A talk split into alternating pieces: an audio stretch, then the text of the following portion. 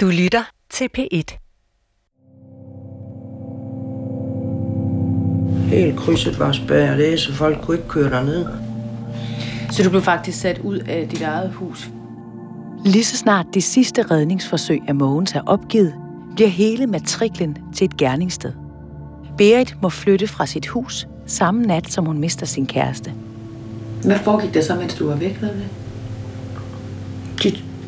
Tog bare DNA og, og gør ved, og jeg måtte jo lige hjem et par gange, fordi vi skulle jo arrangere med, når han blev frigivet og med begravelse og eller bisættelse.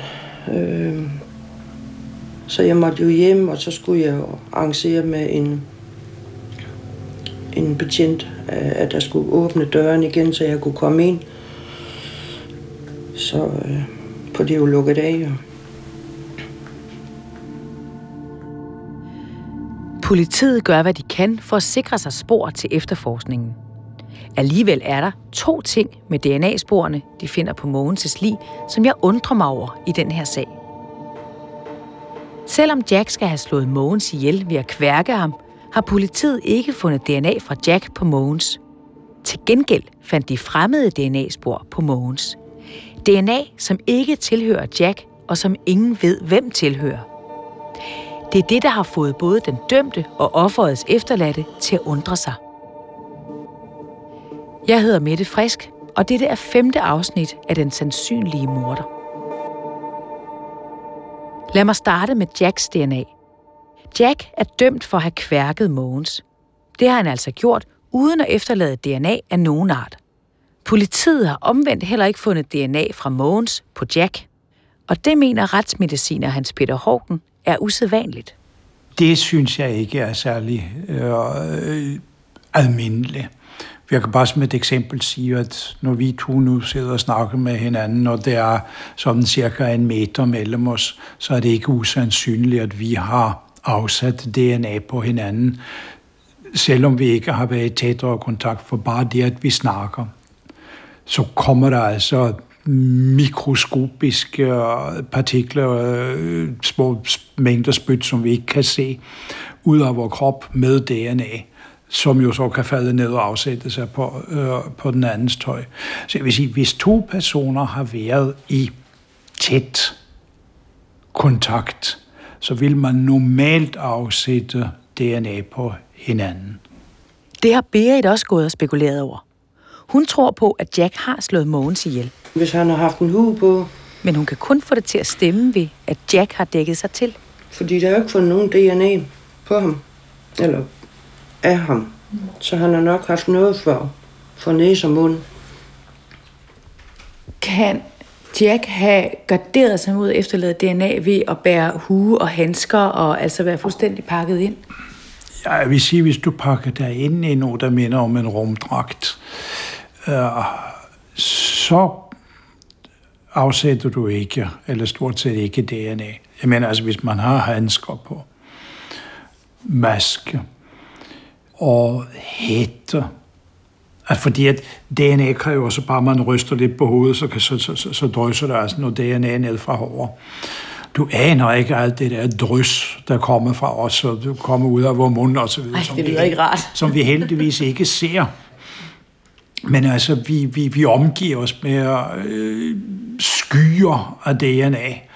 Men hvis han nu ikke har haft en rumdragt på, men bare sådan et almindeligt tøj, men måske en hættetrøje, Øh, og nu er, det, nu er det offerets kone, der siger, jamen kan det ikke have været handsker eller en elefanthue, som gør, at han ikke har efterladt DNA? Det kan man bestemt ikke udelukke. I forhold til hele spørgsmålet om DNA afhænger meget altså af, hvad Jack havde på den nat. Så det spørger jeg ham selvfølgelig om under vores møde i fængslet. Det der med DNA. Mm-hmm. Altså, der blev ikke fundet DNA på fra Mogens på dig. Øhm, hvordan var du der med at undgå det? det er så nemt jo. Jeg har ikke rørt med så der kan ikke komme DNA på mig jo. Der blev heller ikke fundet DNA fra dig på Mogens. Nej. Er det ikke nemt nok at undgå, hvis man for eksempel bærer hue og handsker eller et eller andet? Det er det sikkert. De fandt også et handsker i min bil, som var smurt ind i dieselolie. Så burde jeg have fundet øh, dieselolie på hans hals jo, hvis jeg har haft handsker på. Men jeg går helst ikke med handsker. Når jeg spørger til det der med huer og handsker, så er det fordi, at Berit synes, at hun så, at du havde en elefanthue, som ligesom var rullet op, da du kørte forbi i bilen. Ja, okay. Det øh, har jeg ikke haft nogen øh, huer på. Øh, årstiden, det var sommer. Altså, jeg, har, været- jeg kan godt gå med sådan en gammel morfarkasket en gang imellem, men øh, nej, jeg har ikke haft nogen huer på. Hvad plejer du at på, når du er på 20-togt på den måde, ligesom du var den nat? Altså. Arbejdsbukser. Og en trøje. Og kan du huske, hvordan så det ud den nat? Fordi når jeg spørger, så er det fordi politiet mener ikke, de har fundet det rigtige tøj. Så, så du havde overalls på, men hvad, hvilken farve var dit tøj? Hvordan så det ud i øvrigt? Jamen, det var på blå, altså, så havde jeg en grå øh, sådan en hættetrøje på, hvor hætten var skåret af. Politiet rensede Jacks hjem og tog det tøj med, som de kunne finde for at få det DNA-testet. Men de fandt ingen relevante spor. Ifølge retsbogen fra byretten er politiets forklaring, at de aldrig fandt det rigtige tøj. Men hvis du er uskyldig, hvorfor sørgede du så ikke for at aflevere alt dit tøj til politiet med det samme for at rense dig for mistanke? Det var også det, jeg ville. Men politiet ville jo ikke have det med. Der blev anholdt. De tog det tøj, jeg havde på. Og så blev jeg smidt i stationen. Og så blev jeg hentet op til afhør. Hvor jeg siger, at vi kan bare købe på min adresse. Jamen, de havde været på min adresse. Politiet beslaglagde og testede flere forskellige stykker tøj uden resultat. Da sagen kører i byretten, fremlægger anklagemyndigheden det som, at de ikke har fundet det rigtige tøj, som Jack havde på den nat. Men det viser sig at være forkert. Det er Jacks forsvarer Jan Schneider, der opdager fejlen. Man har en overvågningsvideo fra en tankstation, som man, hvor man mener, at Jack har det tøj på, som han er på på gerningstidspunktet. Og der laver politiet nogle øh, rapporter i forhold til det, og man leder efter det her tøj, og konkluderer egentlig, at det kan man ikke finde. Det er sådan nogle øh, blå øh, overalls, sådan noget arbejdstøj. Det er i byretten, de konkluderer, at politiet ikke har det rigtige tøj. Jack anker senere sagen og får Jan Schneider som forsvarer i landsretten.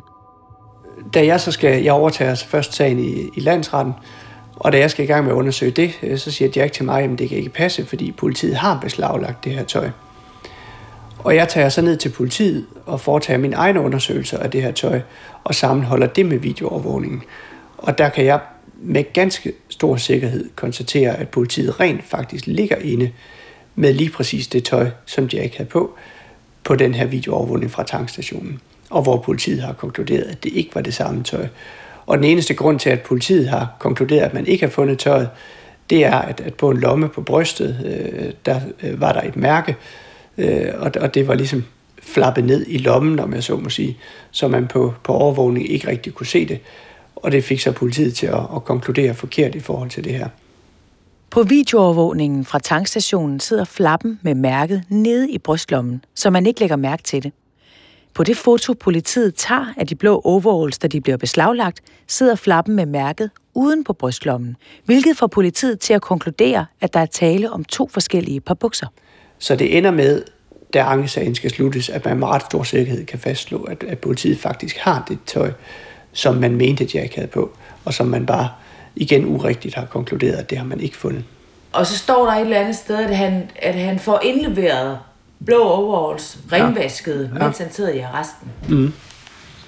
Hvis det er rigtigt, så kan, det, kan han jo godt have haft de blå overalls øh, liggende hos politiet, men de er blevet afleveret af konen renvasket. Altså det, dem, der ligger hos øh, politiet, øh, er sådan som jeg øh, erindrer det, ikke nogen, som er, som er indleveret, men det er nogen, som, som politiet har beslaglagt. Og, og vi havde dem inde i retten, hvor de blev øh, fremvist. Og der var det i hvert fald ret tydeligt ud fra øh, en meget kraftig diesellugt, at de ikke var renvasket, men at det var noget, øh, der var autentisk. Hvad handler det om så? Jamen det handler om, at politiet ikke har fået kigget ordentligt på det tøj, som man har beslaglagt, og sammenlignet det ordentligt med, med videoovervågningen. Og det sker kun, fordi jeg tager ned til politiet og bruger ganske lang tid på at gennemrode kasser med beslaglagt tøj og finder alt, hvad der ligner blev overholdt. Foretager meget grundig fotodokumentation af det, og så tager hjem og sammenholder det med den videoovervågning, som der foreligger. Så det er efter min opfattelse endnu et punkt, hvor politiet ikke har gjort arbejdet ordentligt. Hvordan kan sådan en fejl opstå? Har politiet ikke kigget ordentligt på det tøj, de har beslaglagt? I retsbogen fra byretten, altså i den første retssag, står der, tiltalte ses iført en trøje og arbejdsbukser samt sko, der ikke er identiske med noget af det tøj, der har været underkastet kriminaltekniske undersøgelser. Og videre. På denne baggrund taler fraværet af DNA-spor og fiberafsmitning fra tiltalte på Mogens Holberg Bemo og omvendt ikke mod tiltaltes skyld. Med andre ord, Jack kan sagtens være skyldig, selvom der ikke er fundet DNA fra Mogens på Jack og omvendt. Forklaringen er ifølge politiet, at de ikke har kunne teste det rigtige tøj. Her i byretten spiller tøjet altså en afgørende rolle i konklusionen. I landsretten derimod anerkender man, at politiet faktisk har fundet de rigtige smækbukser, som Jack havde på den nat Mogens blev dræbt. På de bukser er der ikke spor af Mogens, selvom Jack skal have haft dem på, da han kvalte ham. Men i modsætning til i byretten lægger man denne gang i landsretten ikke særlig vægt på tøjet og konkluderer, at det er Jack, der har gjort det. Forvirringen omkring tøjet er ikke den eneste fejl, politiet begår. Jan Schneider fortæller, at han opdager en, der er langt værre. Jamen, Jack bliver ved over for mig og siger, at det kan simpelthen ikke passe det her, og fastholder øh, meget insisterende, at det ikke er ham, der har gjort det. Og han blev ved med at undre sig over de her DNA-erklæringer. Og jeg, det eneste, jeg har på det tidspunkt, er en politirapport, som siger, at man ikke har fundet DNA fra tredje mand. Og jeg kan også konstatere, at det er det, byretten har lagt til grund og har lagt vægt på øh, ved domfældelsen. Men enhver tvivl skal jo komme ham til gode, så derfor kontakter jeg anklageren og siger, at jeg er nødt til at skal se de her underliggende DNA-erklæringer, som har dannet grundlag for den her politirapport. Så det beder jeg om. Og anklageren har dem heller ikke, så hun beder øh, betjenten, som har efterforsket sagen, om at få udleveret de her DNA-erklæringer, sådan som jeg, at jeg kan få dem. Og et par dage hen i hovedforhandlingen i landsretten, en eftermiddag øh, kommer betjenten så til stede med de her politirapporter, og jeg får dem stukket i hånden og, og kigger ikke på dem i første omgang, øh, fordi det er sidst på dagen. Så jeg tager dem med tilbage på hotellet, og så går jeg i gang med at læse de rapporter, og kan meget hurtigt og meget nemt konstatere, at man adskillige steder øh, og adskillige afgørende steder øh, har fundet DNA-spor fra ukendte personer. Og jeg læser de her rapporter igennem temmelig mange gange og kigger på den her politirapport temmelig mange gange, for det er noget chokerende at konstatere, at man sidder med en politirapport, som siger én ting, og nogle DNA-erklæringer, som siger det stik modsatte. Så i rapporten, som politiets efterforskningsleder skriver, står der sort på hvidt, at der ikke er fundet DNA fra ukendte personer. Men i selve DNA-analyserne står der præcis det modsatte. Nemlig, at der på Mogens' lig er fundet DNA fra personer, man ikke har identificeret. I byretten var det netop et af argumenterne for at dømme Jack skyldig, at der ikke var DNA efter andre på offeret. Da dommen falder, står der netop i begrundelsen fra dommer og nævninge, at fraværet af DNA-spor og fiberafsmitning fra tiltalte på Mogens Rolberg Bemo og omvendt taler ikke imod tiltaltes skyld. Hvorved til lige bemærkes, at der på gerningsstedet heller ikke er fundet sådanne spor efter andre mulige gerningsmænd. Nu viser det sig så, at det er der faktisk. Politiet fandt DNA fra en eller flere ukendte på Mogens. De ved med sikkerhed, at DNA-sporene ikke tilhører Mogens' kæreste Berit eller Jack. Og de matcher ikke umiddelbart nogen i DNA-registret over folk, som politiet kender i forvejen. Men de har ikke efterforsket, hvem de så kan tilhøre. Hvordan kan man som efterforskningsleder komme til at skrive et resume med det modsatte af, hvad efterforskningen viser? Hvad var deres forklaring? Jamen, betjenten var indkaldt som vidne øh, i sagen i landsretten, og hans forklaring var, at han opdagede den her fejl, da han stod og kopierede de her DNA-rapporter, fordi jeg havde bedt om at få dem udleveret. Og så gør han så straks øh, anklagemyndigheden opmærksom på det. Det er ikke noget, betjenten gør mig opmærksom på da jeg får udleveret rapporterne, men han gør anklagemyndigheden opmærksom på det. Og dagen efter i landsretten øh, orienterer anklagemyndigheden så landsretten omkring den her fejl, der er sket. Så, så det er en forglemmelse, lyder det som, fra politiets side? Man kan nok ikke kalde det en forglemmelse, fordi hvis man skal skrive en resumé-rapport over indholdet i nogle DNA-erklæringer, så kræver det jo, at man sætter sig ned og kigger i erklæringerne og konstaterer, at der ikke er fundet DNA. Så man må gå ud fra, at den pågældende betjent har kigget i rapporterne. Det, han skriver i resumé-rapporten, svarer sig bare overhovedet ikke til det, der står i de originale DNA-erklæringer. Så en forglemmelse kan man ikke kalde det, men en fejl kan man i hvert fald kalde det. Og når man så læser, hvor det fremmede DNA er fundet på Mogens, bliver det ifølge retsmedicineren rigtig interessant. For i DNA-analysen står der, at der er fundet DNA fra fremmede, blandt andet på hans hals og under hans negle. Det fremgår 12 steder i de oprindelige DNA-erklæringer. Retsmediciner Hans Peter Hågen løfter øjenbryn, da jeg fortæller ham om det. Altså, der plejer normalt at være foretaget de undersøgelser, der skal inden sagen kommer for retten, det vil sige inden den kommer i byretten. Men DNA-analyserne var også foretaget, de var bare røget ud af politirapporten. Nå, ja vel. Ja, øh, det kan jeg jo ikke udtale mig om, om det er almindeligt hos politi, men jeg har ikke hørt om det før, så det må være, det må være ualmindeligt, det der. Når det så kommer frem i sådan en situation, hvad vil du forestille dig, at man, at man så vil gøre med den viden? Den viden, den må man da regne med, man ville bruge. For det første ville den der DNA jo blive kørt mod, øh, op mod DNA-registre for at se, om man havde den pågældende person i, i DNA-registret. Og, og hvis ikke, så, ja, så vil man jo stå der med DNA fra, inden man ikke vidste, hvem var. Det ændrer faktisk ikke rigtig noget på udfaldet. Øh, det er ret fremskredent i, øh, i retssagen, og vedkommende bliver dømt øh, på trods af det her, uden at det faktisk er blevet undersøgt, hvem det DNA tilhører. Hvad tænker du om det? Hvor jeg tænker, jeg nu udtaler jeg mig så som ganske almindelig borger. Og det vil jeg synes er lidt underligt.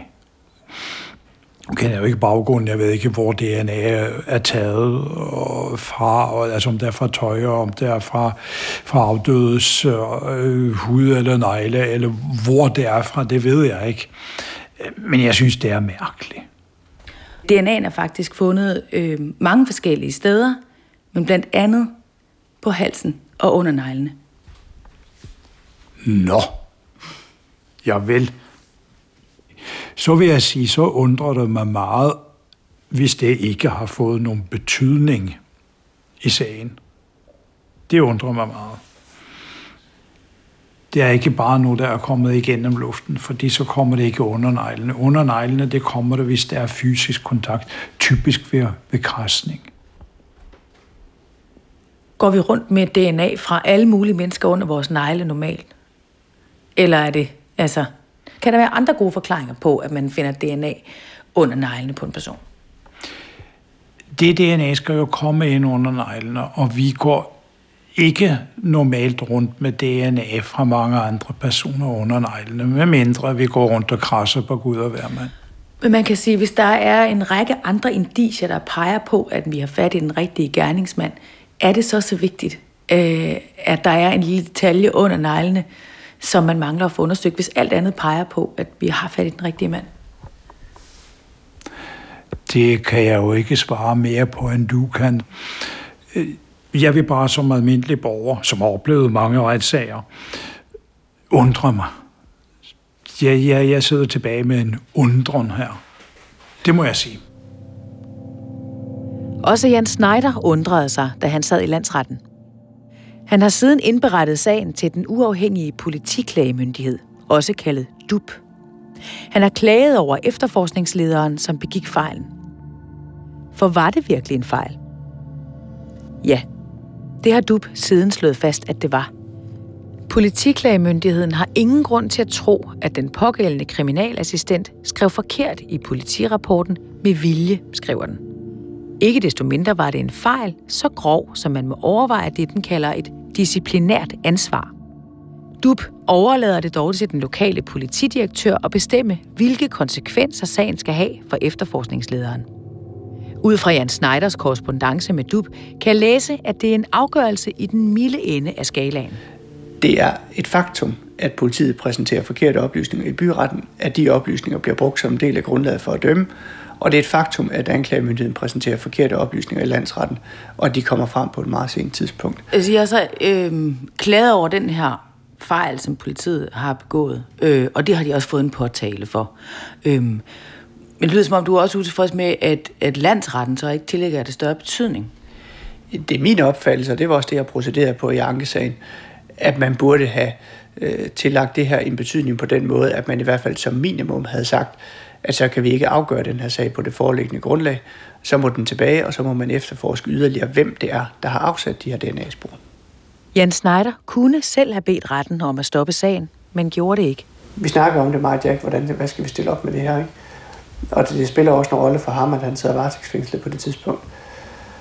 Og har ikke lyst til at sidde varetægtsfængslet yderligere et halvt år, fordi politiet skal til råd med et eller andet. De to har en klar formodning om, at med opdagelsen af det fremmede DNA vil Jack blive frifundet. På det tidspunkt har han siddet varetægtsfængslet i mere end halvandet år. Ingen ved, hvor lang tid det vil tage at finde ud af, hvem det fremmede DNA tilhører. Og for det sagen stoppet, kommer han til at sidde i sin fængselscelle og vente på politiets efterforskning.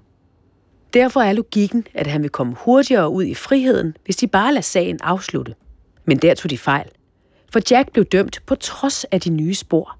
Den fremmede DNA bliver ikke undersøgt eller tillagt nogen vægt i dommen. Når først en sag som den her afgjort i landsretten, så er der på nuværende tidspunkt ikke flere muligheder. Den eneste mulighed, der er, det er at søge genoptagelse. Øh, og der er en mulighed for at genoptage straffesager, hvis der dukker nye væsentlige oplysninger op. Så det, øh, Jack og jeg går har en forhåbning om, det er, at der på et tidspunkt er en rød lampe, der blinker ind hos politiet. På den måde, at nu er der en person, som er blevet registreret i databasen med en DNA-profil, som matcher det DNA, som er fundet på afdødes hals.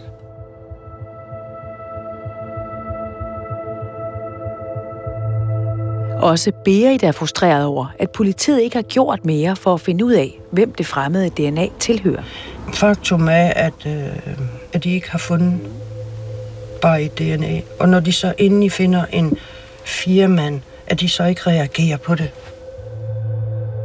Jeg gør et nyt forsøg på at få politiet i tale. Politiklagemyndigheden kalder det en grov fejl. Og jeg har sådan en lyst til at spørge, hvordan det dog kan ske. Hvorfor de ikke har undersøgt, hvem DNA'et stammer fra. Vil det her kunne ske i fremtidige sager? Og hvad vil de gøre, hvis der ved et tilfælde skulle dukke et DNA-match op? De har sikkert gjort sig grundige overvejelser om deres valg i efterforskningen, og de har givetvis gode forklaringer på det hele. Men forgæves. Fyns politi udtaler, at det er en lukket sag, som de ikke har lyst til at kommentere på. Ikke desto mindre var det en stor historie i Fyns Stiftstidende i 2017, da afgørelsen kom fra DUP, den uafhængige politiklagemyndighed.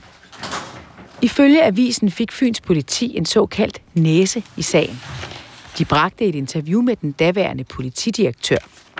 Jeg har taget artiklen med til min kollega Jesper. Kan borgerne stole på politiets rapporter, når I i dette tilfælde overser, at der 12 steder i erklæringen fra DNA-undersøgelserne står, at der er fundet DNA fra flere uidentificerede personer, og I i stedet skriver i rapporten, som retten får, at der ikke er fundet DNA-spor?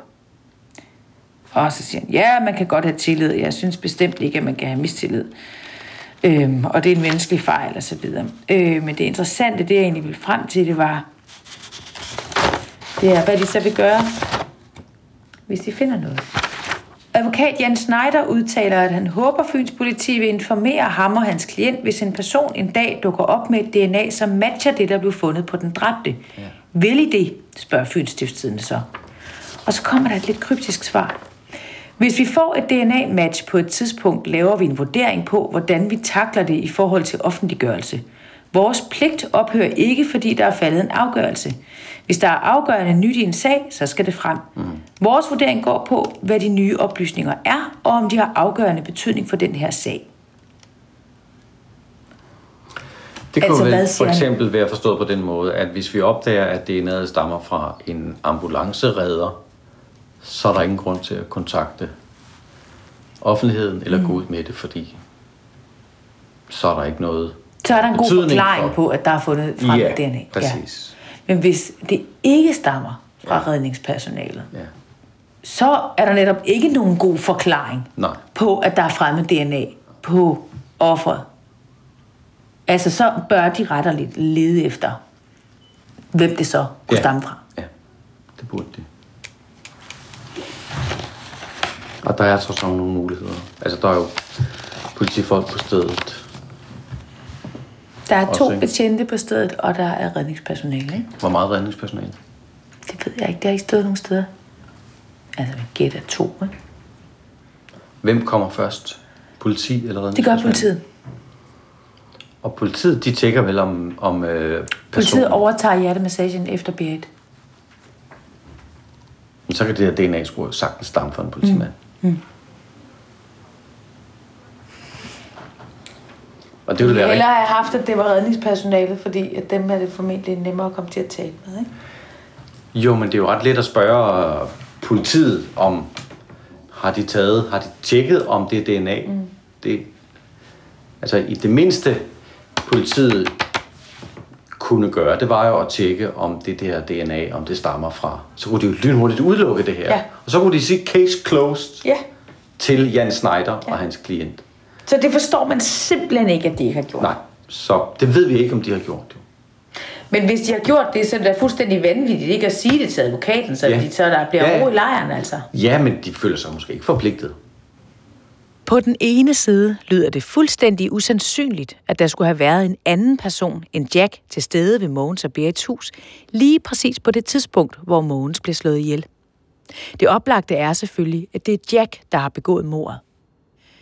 Modsat, så er der en række oplagte spor og beviser, der peger væk fra Jack, og som både Jack og den efterladte enke Berit gerne ville have undersøgt bedre.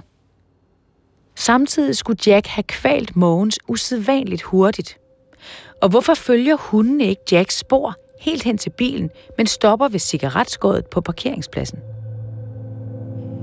Politiet har altså til synlædende ikke gjort noget for at finde ud af, hvem det fremmede DNA på Mogens' hals og negle stammer fra. Er de fra politiet selv, som ilede til, da Berit kæmpede for Mogens' liv? Eller fra en, som har noget med mordet at gøre? Fra en anden gerningsmand? Hvad har de rent faktisk undersøgt? Og kan jeg tage handsken op der, hvor politiet slap? Det er, hvad jeg har tænkt mig at gøre. Men det starter og slutter med information fra politiet. Jeg kommer ikke videre uden at vide, hvad de rent faktisk har foretaget sig. De vil ikke tale med mig, men hvis jeg kan få agtindsigt i efterforskningen, som jeg har søgt om, så er jeg også godt hjulpet. Nu skal du bare se, hvad jeg har fået med posten. Hvis jeg skal finde frem. Det har været to en halv måned undervejs, men nu har jeg fået svar. Ja, som du kan se, har jeg virkelig god orden i der er tre, i hvert fald tre blokke. ja. Jeg har fået det her svar fra politiet. De siger nej. Det er det der med afvejning, ikke? Med afvejning, hvad mener Altså, øh, jeg har... Jeg har vurderet, om øh, du skal have agtindsigt efter princippet om mere offentlighed. Mm. Men så har jeg så afvejet, ja. at det skal du ikke. Ja. Ja, ja. okay. Okay, det er jo svært at argumentere imod. Ja, det er det. Jeg føler mig jo simpelthen som om, at de, øh, at de sidder og griner inde på Fyns politikår, ikke? Mm. Fordi jeg skriver til dem 3. december. Ja. Og efter 10 dage, de har som regel 10 dage til at svare, så skal de ja. komme med en eller anden form for svar. Ja. Det gør de ikke. Så ringer jeg så til dem, så får jeg fat i en sekretær og siger, nej, den, den ligger i en bunke på et skrivebord. Der er ikke nogen, der har gjort noget endnu. Så bliver det så januar, så langt, langt over den tidsfrist, fordi de burde have givet en eller anden form for svar, der øh, kontakter jeg dem så igen, og hvor de så sender en mail tilbage og skriver, grundet det store kopieringsarbejde, så kan vi desværre først imødekomme ja, øh, din, øh, din aktindsigtsanmodning om en måned. Det var det, de skrev midt i januar. Ja, ja, det var der, vi tænkte, fedt op. Ja, så, så tænkte vi, ja, ja. nå, det var da dejligt, så kommer der en masse papir, så ja. kan vi godt vente en måned mere. Mm. Hvorefter der så kom den her, det her øh, brev på halvanden side. Jeg tænker bare, hvilket kopieringsarbejde er det der? Ja. fået, den, fået det til at tage to og en halv måned, altså. Hvad du skulle ringe og høre hende her. Så du, jeg fik at vide, at der var en masse kopieringsarbejde. Ja. Er, er der ikke sket en fejl? Ja. Det kunne godt være, at man skulle gøre det til en start. Da jeg ringer til juristen hos Fyns politis anklagemyndighed, bliver jeg noget overrasket. Det, jeg læser som et nej, er i virkeligheden så godt som et ja. I drabsager er oplysningerne i efterforskningen så følsomme for alle involverede, at de stort set aldrig udleverer dokumenter. Men som part i sagen har Jack ret til at se efterforskningen igennem. Og den ret kan han så udlicitere til mig. Med andre ord står der tre hele kasser med efterforskning hos politiet, som jeg kan få lov til at se igennem på Politigården i København. Det er i næste afsnit.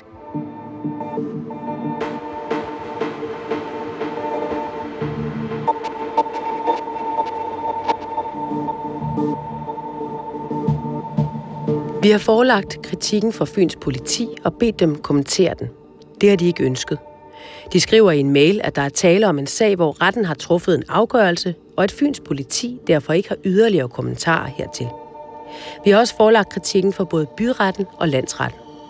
Ingen af de to har ønsket at kommentere den kritik, der bliver rejst. Serien her er produceret af P1 Dokumentar og er tilrettelagt af mig, jeg hedder Mette Frisk, med god hjælp fra Alberte Sacco og Frederik Hugo Ledegaard. Den er klippet af Solvej Berger, og Jens Wittner Hansen er redaktør.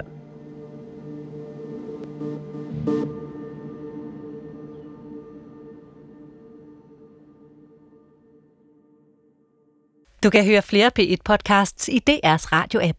Det giver mening.